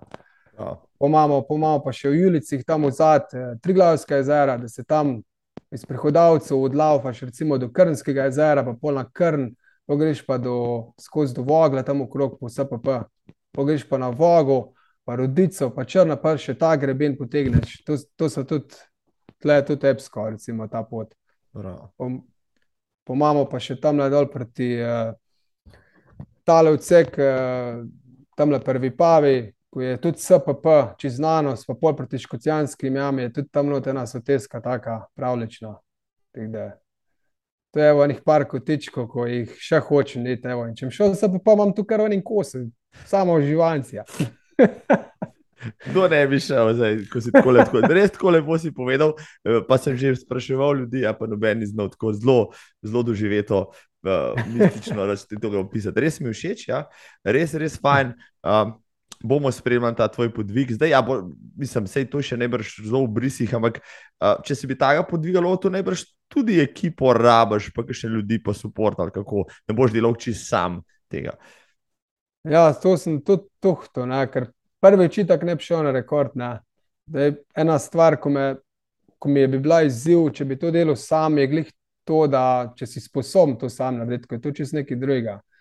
Po drugi strani je pa iz ekipa dobro, oziroma ko se ljudi pridružijo, je dobro to, ker se povezuješ, ker je skozi nekdo zraven, se pogovarjaš, se povezuješ, prejš na kročevalnice, so tam drugi in te ta energija gor drži. Jaz mislim, da je ta energija najbolj močna tle, da so ti podirali rekorde, vsi ti, ko so to počeli, tega, mislim, da te tudi do gor drži, ko si še čist sesud. Imam tako občutek, da je to tisto, ko te gor drži, ta povezovanje z drugimi. In jaz mislim, da mogoče tudi, če ne bi iskal ekipe, tudi če bi se spontano lotil, pa samo da bi najavil prej, bi se pač ljudi pridružili, pa tudi za prvič bi bilo mogoče spontano celo boljše, zaradi izkušnje same. Čas pa je nepomemben, sicer pa nikoli ne veš, kaj se dogaja. Lahko pa, da pol bo kar šlo, pa šlo, pa ne vem, kdo bi vedel, ne, tega jaz ne vem. Lahko pa, da bi ful trpel, pa bi, ne vem, bil, kako jaz tle sploh delam. Sam tudi to bi bilo v redu, ker bi pol vedel, da nočem tega delati. ne moreš izgubiti. Ja, vsakim primer zmagam. Človek je ziharaš, kamor ko gre, zmer zmaga. Ja, še enkrat, spet, še ena kljubica. Letos poletje sem imel za tale pogovor in si rekel, počakajmo še malo. Imam en projekt, en eksperiment v delu. Je bil to TDS na UTMB-ju? Ja. Ja, to je glih to, ko sem prej nekaj govoril, da nisem letos hitrosti treniral. Uh mhm. -huh. Jaz sem v bistvu za UTMB sem že bil prijavljen eno leto, mislim, da je bilo 2019, pa sem se polodjavil, ker sem tudi šiht najdel, pa sem glih tam začel delati, pa sem vedel, da če hočeš neč sem laufati, sem bom res mogel iti tjale v Julice, fajn pripravljati, veliko višinco delati. V veliki časovni zalogaj, kar mi je zdaj leta sicer rad, ali nisem pa hitrosti treniral, sem pa delal nekaj drugega. Da sem, naprimer, ko sem delal dihalne vaje, sem z vizualizacijo hitrost treniral na tak način, da sem si predstavljal, kako čutim veter na svojem golem telesu. Čutiš ga, če piha, ampak če pa hiter laufaš, ga pa tudi čutiš zaradi hitrosti. In sem to vizualiziral in pol, ko tečem, se kar naenkrat znajdem, pa opazim, da je hit laufam, ker čutim veter na sebi. In sem v bistvu sam to delal, vizualizacije, pa nisem hitrosti treniral in pa sem laufal. Uh, Formaraton letos, ko v bistvu bi lahko rekel, da je bolj ravnina kot trail zmanj puklo mes, ampak jaz mislim, da bom šel tja uživati. V bistvu, pa sem pa po 20 km videl, ko se skozi enake korake, jaz sem tam če živel, meni že vse, vse boli. Pa sem pa. Pa sem se pa nekako sprejel, da ne bom užival, ampak bom pač moral sprejeti to in sem sam frekvenca korakov, gremo. In sem držal nek tempo 34, pa 5-0. Pa sem fajn odlaval to tekmo, pa pol v Makedoniji isto je je fajn letel. No. Čutil sem, da so noge hitre, čeprav nisem hitrosti treniral in sem videl, da je nek, nek učinek. Je. In zdaj, če bi še tega več delal, ne, tega, tega ni bilo zdaj veliko, da bi veliko vizualiziral, če bi pa to res veliko počel. Ne, da dejansko vidiš, kako je um močen, v bistvu, ne, to sem v bistvu eksperimentiral. Ne. Ampak tle na TDS-u pa sem zalutil in nisem pol nekako, ampak je vse en letel, ker smo začetku, sem v bistvu hitreje štartil, kot ponazor, da kužve. Ne? Ker ko enkrat ostaneš v neki koloni, na oni singlici, nikamor ne prideš. Ne? In nekako rekel, ok, bom hitreje štartil sam. Sem pa zaradi tega mal trpel, mes, pa sem pa vse pršil v bistvu. Tam nekje po 40-50 minutah sem vse pršil in sem začel uživati, bi lahko rekel, med divjanjem. Ampak pol se je pa zgodil, umri petlja in evo, je drugič. Bravo, zdaj boš vizualiziral, kako se nikoli več ne boš zgubil. Kaj, nisem, ali... ja, zdaj bom pa mogoče delal pojem, vizualiziral, pa še treniral hitrost. Zihar je zihar. No. Zgubil se ne bom več. Tako, evo, te tri stvari, pa, pa boš dobil tudi kaj še veliko dirko. Bravo. Eh, vizualizacijo omenjaš. Um, Kako to zgleda? No, zdaj, zihar se kaj tam zunaj sprašuje, oh, to se sliši zelo zanimivo. Um, kje si prišel do tega koncepta, si to prebral, ki si se podučil, da je moče vizualizacija tista, ki, ki ti pomaga lahko pri tem, da tudi svoje telo prepraviš na nekaj takega.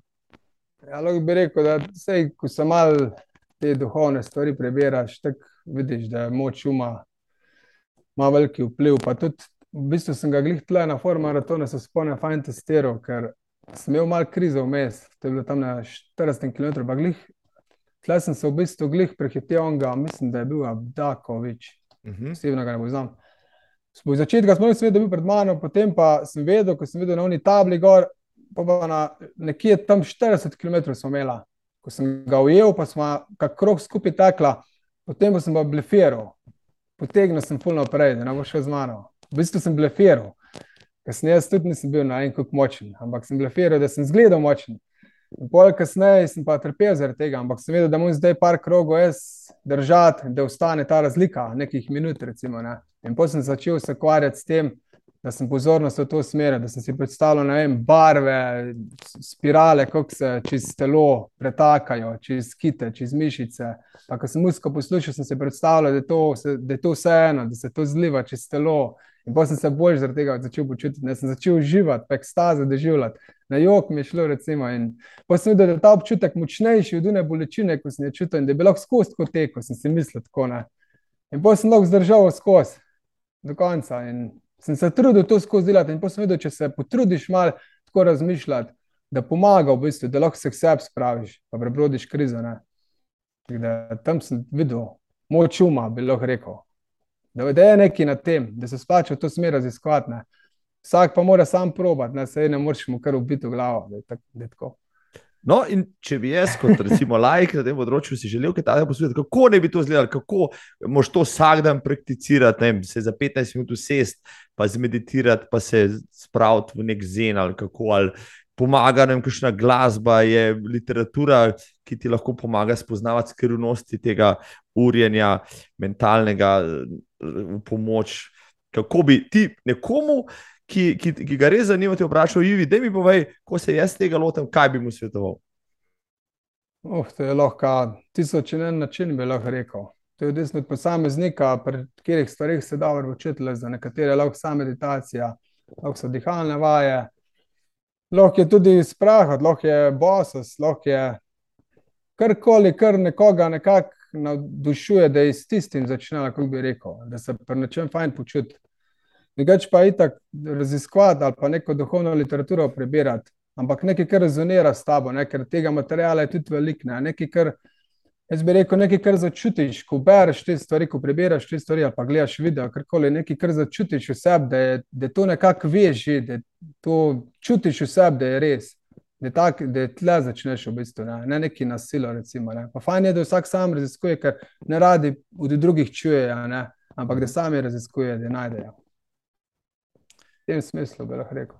Pomaga, rekel, tudi ta uh, psihološka priprava, ta mentalni trening, tudi soočati se potem z odstopom, ne, ki se, se ti pač neobhodno zgodilo, ali pa se vsakemu ultrašu. Na vse zadnje, uh, kako si ti pač, recimo, ravno TDS, ker si pač zašel, ni šlo več in si mogel odstopiti. Kako si se potem s tem sprijaznil? Ja, moraš, se sprijazniti, ker se drugega ti ne ostane v bistvu. Ne. Ker če ne trpiš, ne, um se itak vrti v smer, ja, do na tretje, ne, ko boš zdaj, ne, ono, ne. Pač moraš sprejeti, da je to nek razlog. Zdaj je pa res, lahko pa vsak sam malo opazuje, ne, v smislu, ne, jaz, jaz vem, da sem imel zelo nekega kontrasta, ne, še pred tekmo, tako vedel sem, da sem tudi, da me je kaj znerviralo, pa tako, da sem bil pozitiven, pa mogoče malo negativen, čeprav sem bil redko negativen, ampak tudi se lahko kaj zgodi. Ampak če je malo, kar je malo kontrasta, lahko, ne, se lahko ti pol zgodi, da zmanifestiraš še en kontrast, se pravi negativni, lahko tudi v tem primeru odstop. Po drugi strani, če si pa skozi pozitiven, pa se ti zgodi tak odstop ali pa da se zgubiš, je pa lahko pomenil, da te je rešil pred nečem hujšim, recimo vem, poškodbo ali pa čem, pacem ali karkoli. Vse, vse, more, vse je tako, kot mora biti. Vse si sam v bistvu prikličeš, s tem, kako razmišljaš, s tem, najbolj pa s tem, kako se počutiš. Tako da, če malo nazaj pogledaš, vidiš in tudi je pol lekcija, da vidiš, kako si bil, zato da naslednjič ne boš, da se boš preujel, da boš vem, se potrudil dobro počutiti, da ne boš se prepustil negativi, ker negativa te povleče kar za sabo. Ja, da prej to prekineš, ker je to že klic v bistvu k temu, da se ti prodarno pol odločiš, da ne greš v eno smer, ampak greš v pozitivno. Uh -huh. Da to je lekcija, da, da se dobro počutiš v bistvu, da greš v pozitivno. Zanimivo. Ja, Odkrili so še eno dimenzijo, recimo ultratrailteka, ki, ja, ki je res, ja. je res da nikoli, recimo, še nikdo, nihče ni na ta način izpostavil, to mi zelo všeč. No. Um, zakaj pa ne? ne? Očitno je nekaj na tem, ampak uh, glede na to, uh, da tebi rekel, to res pomaga, pa da te dela tekača ali pa človeka. Širino kot si. Povej mi, no, v meni si poškodbe, morate vprašati, si staknil, kdaj je resnega pri vseh svojih podvigih, treniških in tekmovalnih, ali si imel doslej kar srečo? Ja, odvisno, kaj je resnega če to rečemo zdaj, do enega meseca ali pa 14 dni, da te nekaj mhm. boli, to verjetno ni resno. Ne? Resno je verjetno nekaj, kar te Recimo, ja. za sezono. Tako, tako. Ne, to nisem imel nikoli. Mogoče je bilo mesec, max. Pa to je bilo takrat, ko sem bil 200 nabijo, non-stop. Bilo je, mislim, da 2016 in en zadnjih podvigov je bil, ko sem šel dvakrat na Grintec zaporedoma, gor pa dol iz Kamniškega doma. Pa sedem ur pa pol sem naredil, v bistvu gor dol, gor dol dve ure sem imel oba dva vzpona. Takrat, po tistim, se spomnim, da me je začel nekaj štihati. Takrat, pa takrat je bilo poletje in tudi sem rabo kak mesec, da je, da je popustil. Ampak samo neka bolečina je bila. Pa mislim, da je bilo to najdlje, vse ostalo je bilo pa tako, 14 dni mogoče, pa še manj. Drugač pa, doskrat se nade, da kaj boline, ampak to se kar tako mal, ne vem, sprehaja mal, neka, ne vem, neki pride, ne vem. Ne smeš se v to fokusirati, ne? pa pol je važno, pa tisto, kako razmišljaš. Ne? A boš zdaj razmišljal, da ne moreš zdaj tega, da ne moreš tega, ali se boš sam prepustil. Ist, ista lekcija je, kot pri odstopu, v bistvu, ko pol s to bolečino delaš. Pač moraš jo preobraziti v, v, v sam senzacijo, da, da ne imenuješ bolečino ali pa bolezen, ampak samo občutek in se mu prepustiš. In pa začne brneti, vibrirati. To je to, zdravilo. Eh, ali za, če si imel regeneracijo, za regeneracijo počneš poleg vsega omenjenega, kaj pa še kaj posebnega, ne vem, kaj prehraniš, kaj posebnega v prehrani paziš, da dodajaš morda še prehranske dodatke, da tudi na telesnem uh, nivoju, na nivoju uh, rekel, kemičnih procesov v telesu poskrbiš za, za, za, za boljši izplet, iz, razplet pa izplen. Ja, v bistvu Meso sem nehal jesti, ena, dve leta ali tri leta nazaj, tri leta. Tako da mesa ne jim več, uh, sladkorja že dlje časa, ok, sladkor je tako, ne, mogoče časno, kak keks ali kaj če pride res časno, ampak ni pa ono, da bi jih repenil po sladkari, ker, je, ker sem se navadil brez njih in mi je pol presladko, mi je spomnil vkus všeč mi je. Preveč je močno okus in pa tudi sladkor ni zdrav. Ne. Tako da bolj se izogibam tega, da bi pa kaj posebej, pa niti ne, no, pa je nič posebnega, ne vem, da bi kaj. Za regeneracijo pa več po vodo, redno hodim, mrzlo vodo se namakati. To mi je, se mi zdi še najbolj.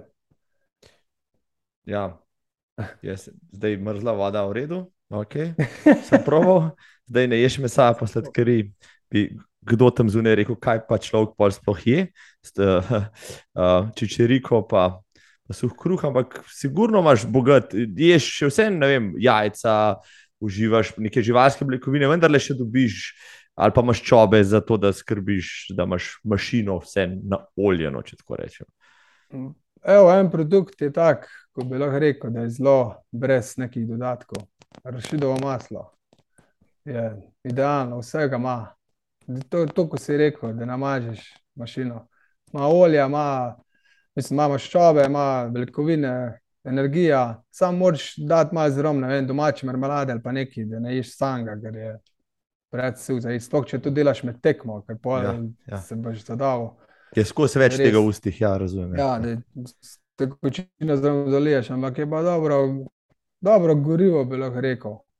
Tako da bi lahko rekel, da je rašitev masla in tako. To je ravno mesa, bi lahko rekel. Mhm. Drugač pa je tako, kakšne jajce, sir, to še jim. Zelenjave, sadje, vse tega, vreško, semen, tega je, ni da ni hrane, je kar čemo. Pa sploh, nisem, sploh še nisem tipu v tej smeri, da bi, lahko, da bi raziskoval. Je tle še v bistvu eno področje, ko bi lahko raziskoval, koliko je ene hrane. Še za sprobati, lahko rekel. Pa kombinacija pol teh hran. Različnih. Se pravi, na, sto, na stotkah, na sto milkah, kaj pa vmes ješ na okrečevalnicah, ne imaš tudi kaj sabo, ali ti prenesijo kaj, ali pač konzumiraš tisto, kar je tam. Pa te se delam.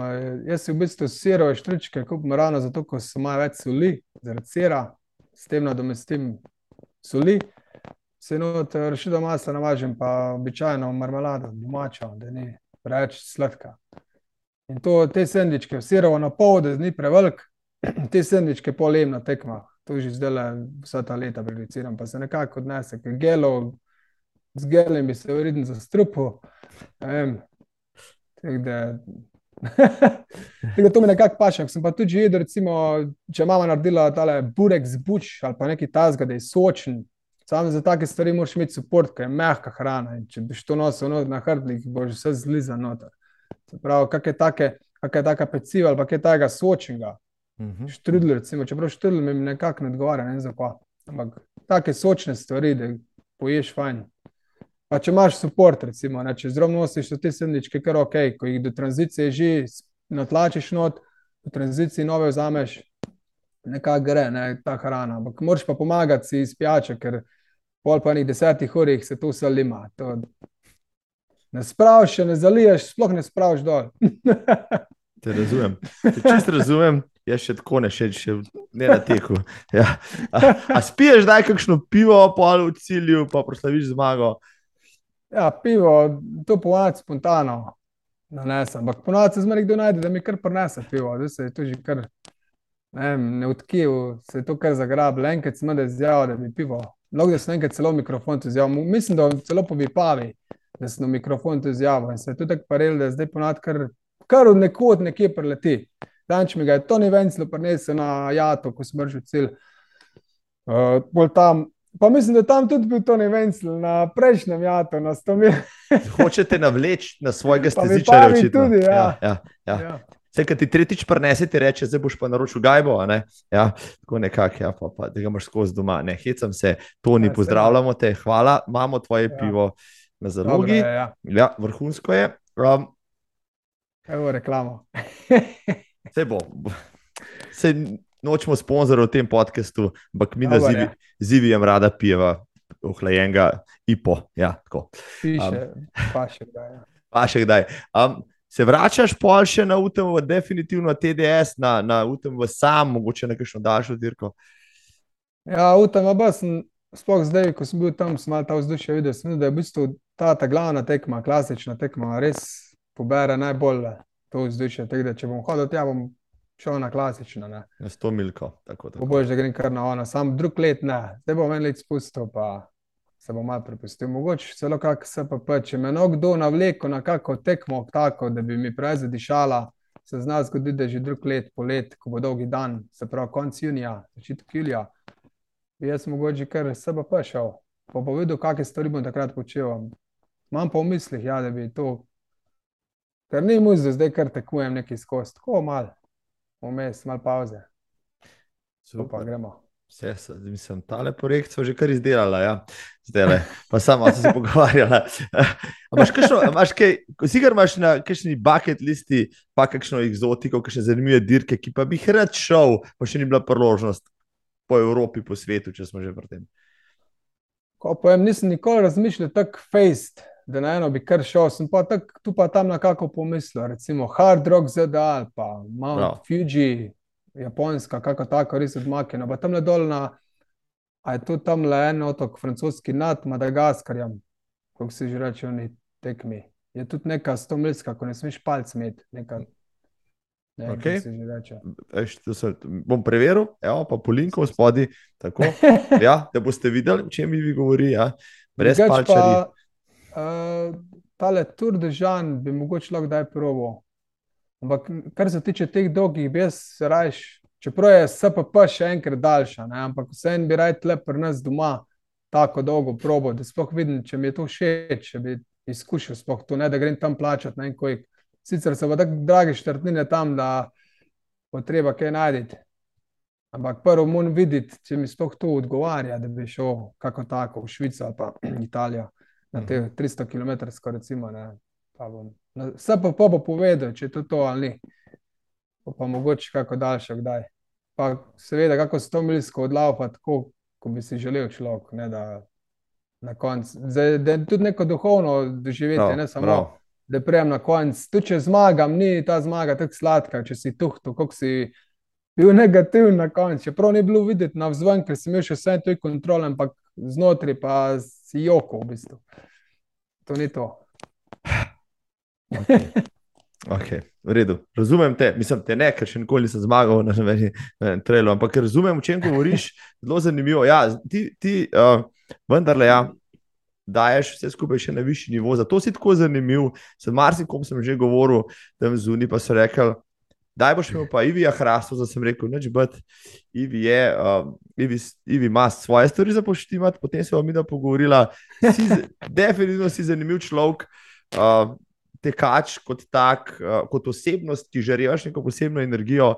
Um, uh, v tvoji bližini je zmeraj zanimivo. No, jaz se spomnim, uh, da sem te enkrat srečal, mi smo se hecali na Blanskem maratonu, ti si pa na 20 km prglajdal mimo v enih dolgih belih hlačah ali kako je že bilo, bos, jasno, ne? v nekem takem zenovskem uh, uh, uh, uh, mudu, ne? tam si pomahal, na hitro sem se pogovorila, pa si potem odgledal naprej. Ne? To je bilo nekaj, veliko taka posebna, sem mislil, da že angele vidim na način. Ja? Ampak ja, res, res. Uh, Si, si imaš, raziskuješ dimenzije, ki jih ostali ne, no, zato se mi zdi ta pogovor tako zanimiv. Um, kje, kje te lahko srečajo ljudje, recimo tam zunaj, moče na Ivijem, Ivijem trailu petih grebenov, no, če bi te ravno iskal, pa, pa te hotel srečati. Kaj je Ivijev trail petih grebenov? To mi bo. Jaz si kaj tole najdel, to pa to, večena. To pa ne ve vsi, ja. Kaj ne veri. Tole, tole v mojem koncu en, so eni taki grebenčki, v bistvu tale prvi je tak, bi lahko rekel, za ogre, ogrevalni, manjih 300 višincev.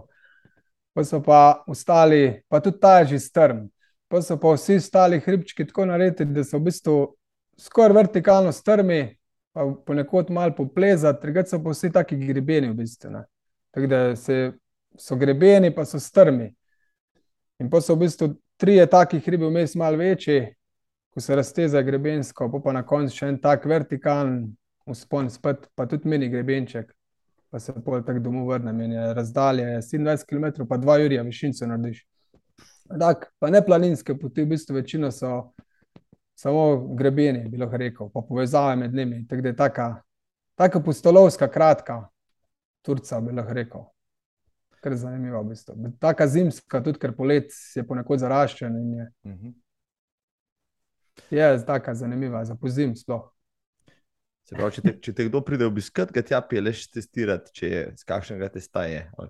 Recimo, ja, recimo, ja. Če bi kdo se tako ponudil za lauf, bi mogoče ga vlekel direkt.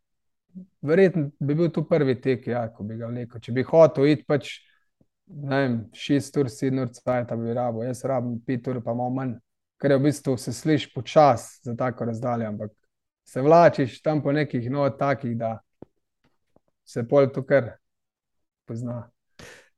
Tehnično zahtevni tereni so ti potem blizu, glede na to, kar si povedal, da si tudi skalaš, da ti ni težava iti rekel, nekam, kjer je malo bolj treba dvigati roko, pa nokco. Ali kako? Um, si človek za tehnične, zajebane spuste, morda tudi spone. V bistvu je bilo to, kar uh, dodal odprej, ko smo se pogovarjali o bosem teku razpustih. V bistvu bosost, ko sem omenil analogijo kung fuja, mm -hmm. v bistvu bosost uči tudi tega, da si pol, ko se ti bos navadiš, se v bistvu bi lahko rekel, sprogramiraš, da noga hitro najde pravo točko za pristanek. In poti to ostane tudi, ko si v bud. Ko se ti na dol spuščaš, isto imaš odzivnost, hitrejšo, zaradi tega, ker so bose noge tudi prakticirale. Tako da v bistvu je tudi ta prednost bosega teka, da si pol v bud na tehničnem, hitro najdeš mesto pravo. Pa tudi uh, bosa noga ti ukrepi vse te, bi lahko rekel, mikromišice, vezi, okrog ležno, vse to ti bolj ukrepi in tudi noga bolj stabilna, pol ko si v but, recimo. Same, same prednosti, no, sami plusi so in to bolj povezuješ in pol tudi so tehnični zahtevni spusti, pa tereni, bi lahko rekel, užitek, poigravanje. Pa kar samo gre, pol To si naložiš program, ko si bos, pa, pa greš v bud. Dame in gospodje, evo, da ste slišali. Ja, deset let nazaj je bilo bosonoštvo v Sloveniji res na vrhuncu, ja, veliko nas je bilo, potem je to malo zamrlo, no zdaj nekako prihaja drugi val, tudi tu ni spremljam. Evo, če je kdo apostol a, a, novega vala bosonoštva, trail, ultra trail bosonoštva, Ivi Hrastavec, tisti, pa tole boste poslušali več kot enkrat, da boste vse slišali. Um, če sem lahko še mal poduhovljen. Um, Ivi, kaj je za te razsvetljenje? Evo. Razsvetljenje.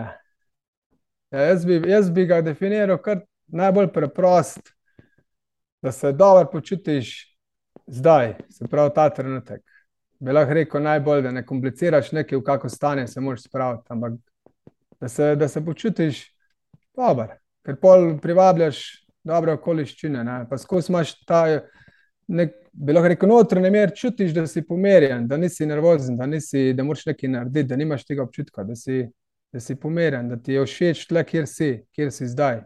Ker itak si skozi tam, kjer si. Ne? Ker um ti pa nagaja, pa ti hoče preteklost, pa prihodnost, pa skozi mele te stvari. In vedno pol zamujaš to, kar imaš zdaj. In to je razsvetljenje, bi lahko rekel, na preprost način. Lepo. In če gremo še malo nižji na, na bolj fizično-telesni nivo, kaj pa za te zdravje? Recimo, ja, se iz tega ven pa pol žareva zdravje. Bilo je rekel, zdravje je odraz tega, kar, si, kar sem to, kar sem povedal. Če to prakticiraš, je pol odsev tega tudi zdravje. Ne? Ker to je pol skoraj isto. Zdrav biti je isto, kot razsvetljen biti ali pa miren biti ali pa se dobro počutiti. Bilo je rekel, da je bila ena beseda za vse na nek način. Kaj še dodati, cenjena publika? Ja, urca pa je šla tako le, še bi lahko govorila, Ivi, res, še ure in ure, ja, še toliko vprašanj, ampak mogoče sam še čist, recimo zdaj proti koncu, kaj bi počel, če ne bi mogel teči? Ok, moče bi plezal, ampak moče, moče kaj drugega v glavi, moče bi kleklo, igral šah, ali hecam se jasno. Ja, sej, si že gre povedal, verjetno bi plezal, ne, te... Verjetno bi to razmišljal, pol, če ne bi mogel, ne? ker to se zdaj težko predstavlja. Pač, ko včasih lahko malo pogrešaš, če ne vem, kak teden tečeš, ne? greš teč, ne? pa je ta občutek res prijeten, ko tečeš. Samo ta korak tekaški je prijeten, ta občutek. In kaj bi pa pol počel, ne vem, kaj ustvari ali pa plezo, recimo plezanje me kliče, neki. Več pa ne vem. Kdo bi vedel? upam, da bo še dolg časa tekel ja, v vseh ja, agregatnih ja, oblikah, v vseh obutvah ali pa brez njih. Tako jasno, spremljali te bomo, dragi Ivi, kje te, kje te pa letos, morda, ali pa imaš kakšno dirko že za bližnjo prihodnost, planirano, pa te, pa te najne drage gledalke in poslušalci lahko še srečajo, pa kaj poprašajo. Ja, zdaj se ta knap strelj, ko smo ga prej omenili, približuje. Se zna narediti, da bom šel, ja, malo po malo podivjati, bi lahko rekel, malo se razdivjati po dolgem cajt. Potem pa nimam nobenih planov, mogoče, evo, mogoče, lahko se, lahko da se znajdem v Ipavi na stotki, bosa nog, to bi se znalo mogoče zgoditi. Pa se pa pa polet, imam ga nekako v mislih, da bi, če bi okoliščine sodelovale, bi namara lahko itak prej najavim, ampak gremo to tako malo živati pač spontano, kaj se bo odvijalo ven iz tega, za prvič. Pa tudi verjetno bi šel, jaz mislim, da če se prav spominjam, da so dve, dve različne poti, da zdaj nova knjižica ima par več odsekov in da, je, da so tudi ženske rekord naredile po ta novejši različici, uh, moški rekord je pa po starejši različici. To prav. Aha, mora res upančič, zdaj pa imaš. Ha, ha, ha. Pa, bi, ja. pa jaz bi prvič utvoril kar tega, ta novega. Bravo, evo, pač. vidiš. Rekorder. Za izkušnjo, ker je tako, jaz mislim, da ni možno iti s prve, kar je rekord podrediti, ker je le nek čas, tak, ko se reče, ta prav. In, pa ne vem sploh, kaj to pomeni, ker nimam izkušenj, ne morem reči, ne. Sliši se orang. In bomo prvo probali malo izkusiti, pa, pa bomo videli, kaj bo. Lej, zdaj si toliko stvari povedal od tega projekta, da definitivno bomo zraven tako ali drugače od blizu ali, ali pa saj nadaljavo. Uh, bi tam zunaj koga pozdravil, imaš te kaške prijatelje, znance ali pa so trpine, ki jih posebej ceniš, pa jih rabo omeniti zdaj oziroma pozdraviti. Ja, v bistvu lahko evo, se zahvalimo vsem, ko boste to uh, spremljali, poslušali. Evo, hvaležen za tole. Tako da vas v bistvu kar vse pozdravljam. To. Super, super. Ivi, eh, v, v neznansko čast, veselje mi je bilo, ko mi čakam, da se spet, da se spet srečava, no, da še uživamo, kakšno rečeva. Uh, čas je zelo minil, kot bi mignil. Cel kupenih novih uh, idej si mi dal, pa snovi za razmišljati. Uh, hvala ti za tvoj čas. Mogoče, evo, da bo zadnja beseda tvoja, da je prosim poslušalstvu še povej, pa gledalstvu, zakaj teči, vsem tistim, ki še vklevajo ali pa se jim ne da, zakaj teči, zakaj se s tem športom ali pa s tem gibalnim, uh, s tem, s tem rekel, žlahtnim gibalnim športom splača in treba ukvarjati. Ja, po mojem je tek en tak, ena taka čudovita, pa preprosta aktivnost, ne, ko, je, ko ne rab veliko, da se ukvarjaš z njo in je v bistvu te spravi v to neko gibanje, čist naravno, bi lahko rekel, preprosto. In po mojem, zaradi tega je že razlog. Pa, pa itak, treba se tako prepustiti, pa tako lahko laufa, da, da uživaš v tem, ne da trpiš. Ne, ampak to je, zato je potrebna neka postopnost, pa kombiniranje s hojo, da prideš do tega. V tem smislu. Ja. Ivi Hrastovec, dame in gospodje, v 120 epizodi podcasta za gre za tek. Hvala še enkrat, Ivi. Um, bodi lepo. Enako, hvala tudi tebi.